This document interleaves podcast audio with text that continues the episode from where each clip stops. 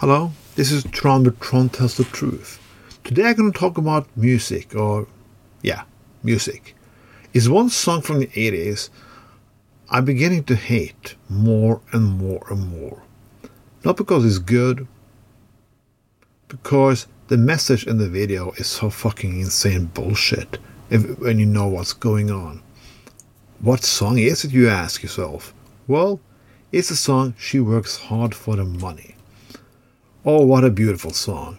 You should, you should work hard for the money, so you better treat her right. The video is about a, a woman who works her ass off. Yeah, I do respect people who work their ass off. They should have respect.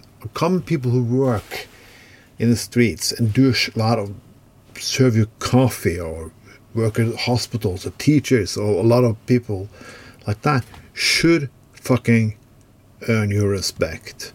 So, what did they do? The, the right managed to hijack that respect. Like, we don't want a state in to regulate this. We don't want a union to regulate this.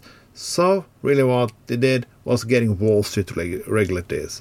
She works hard for the money, so you better treat her right. Yeah, I'm gonna treat her right. Will corporate bullshit oligarchs asshole treat her right? Will you give her the payment she deserves so she doesn't have to have three jobs? To work the shit out. Would you take good social security, good social benefits, give teachers good reason to stay on the job, give people good education, don't have without have to be fucking broke? Will you do that? That is treating people right. I'm fucking eternal. We treat her right. Treat them with respect. I don't give a. we don't need fucking treating respect or clapping hands and so on. I worked as a security during the pandemic. Well, during the pandemic because it can come back. But everyone like take a chair for them.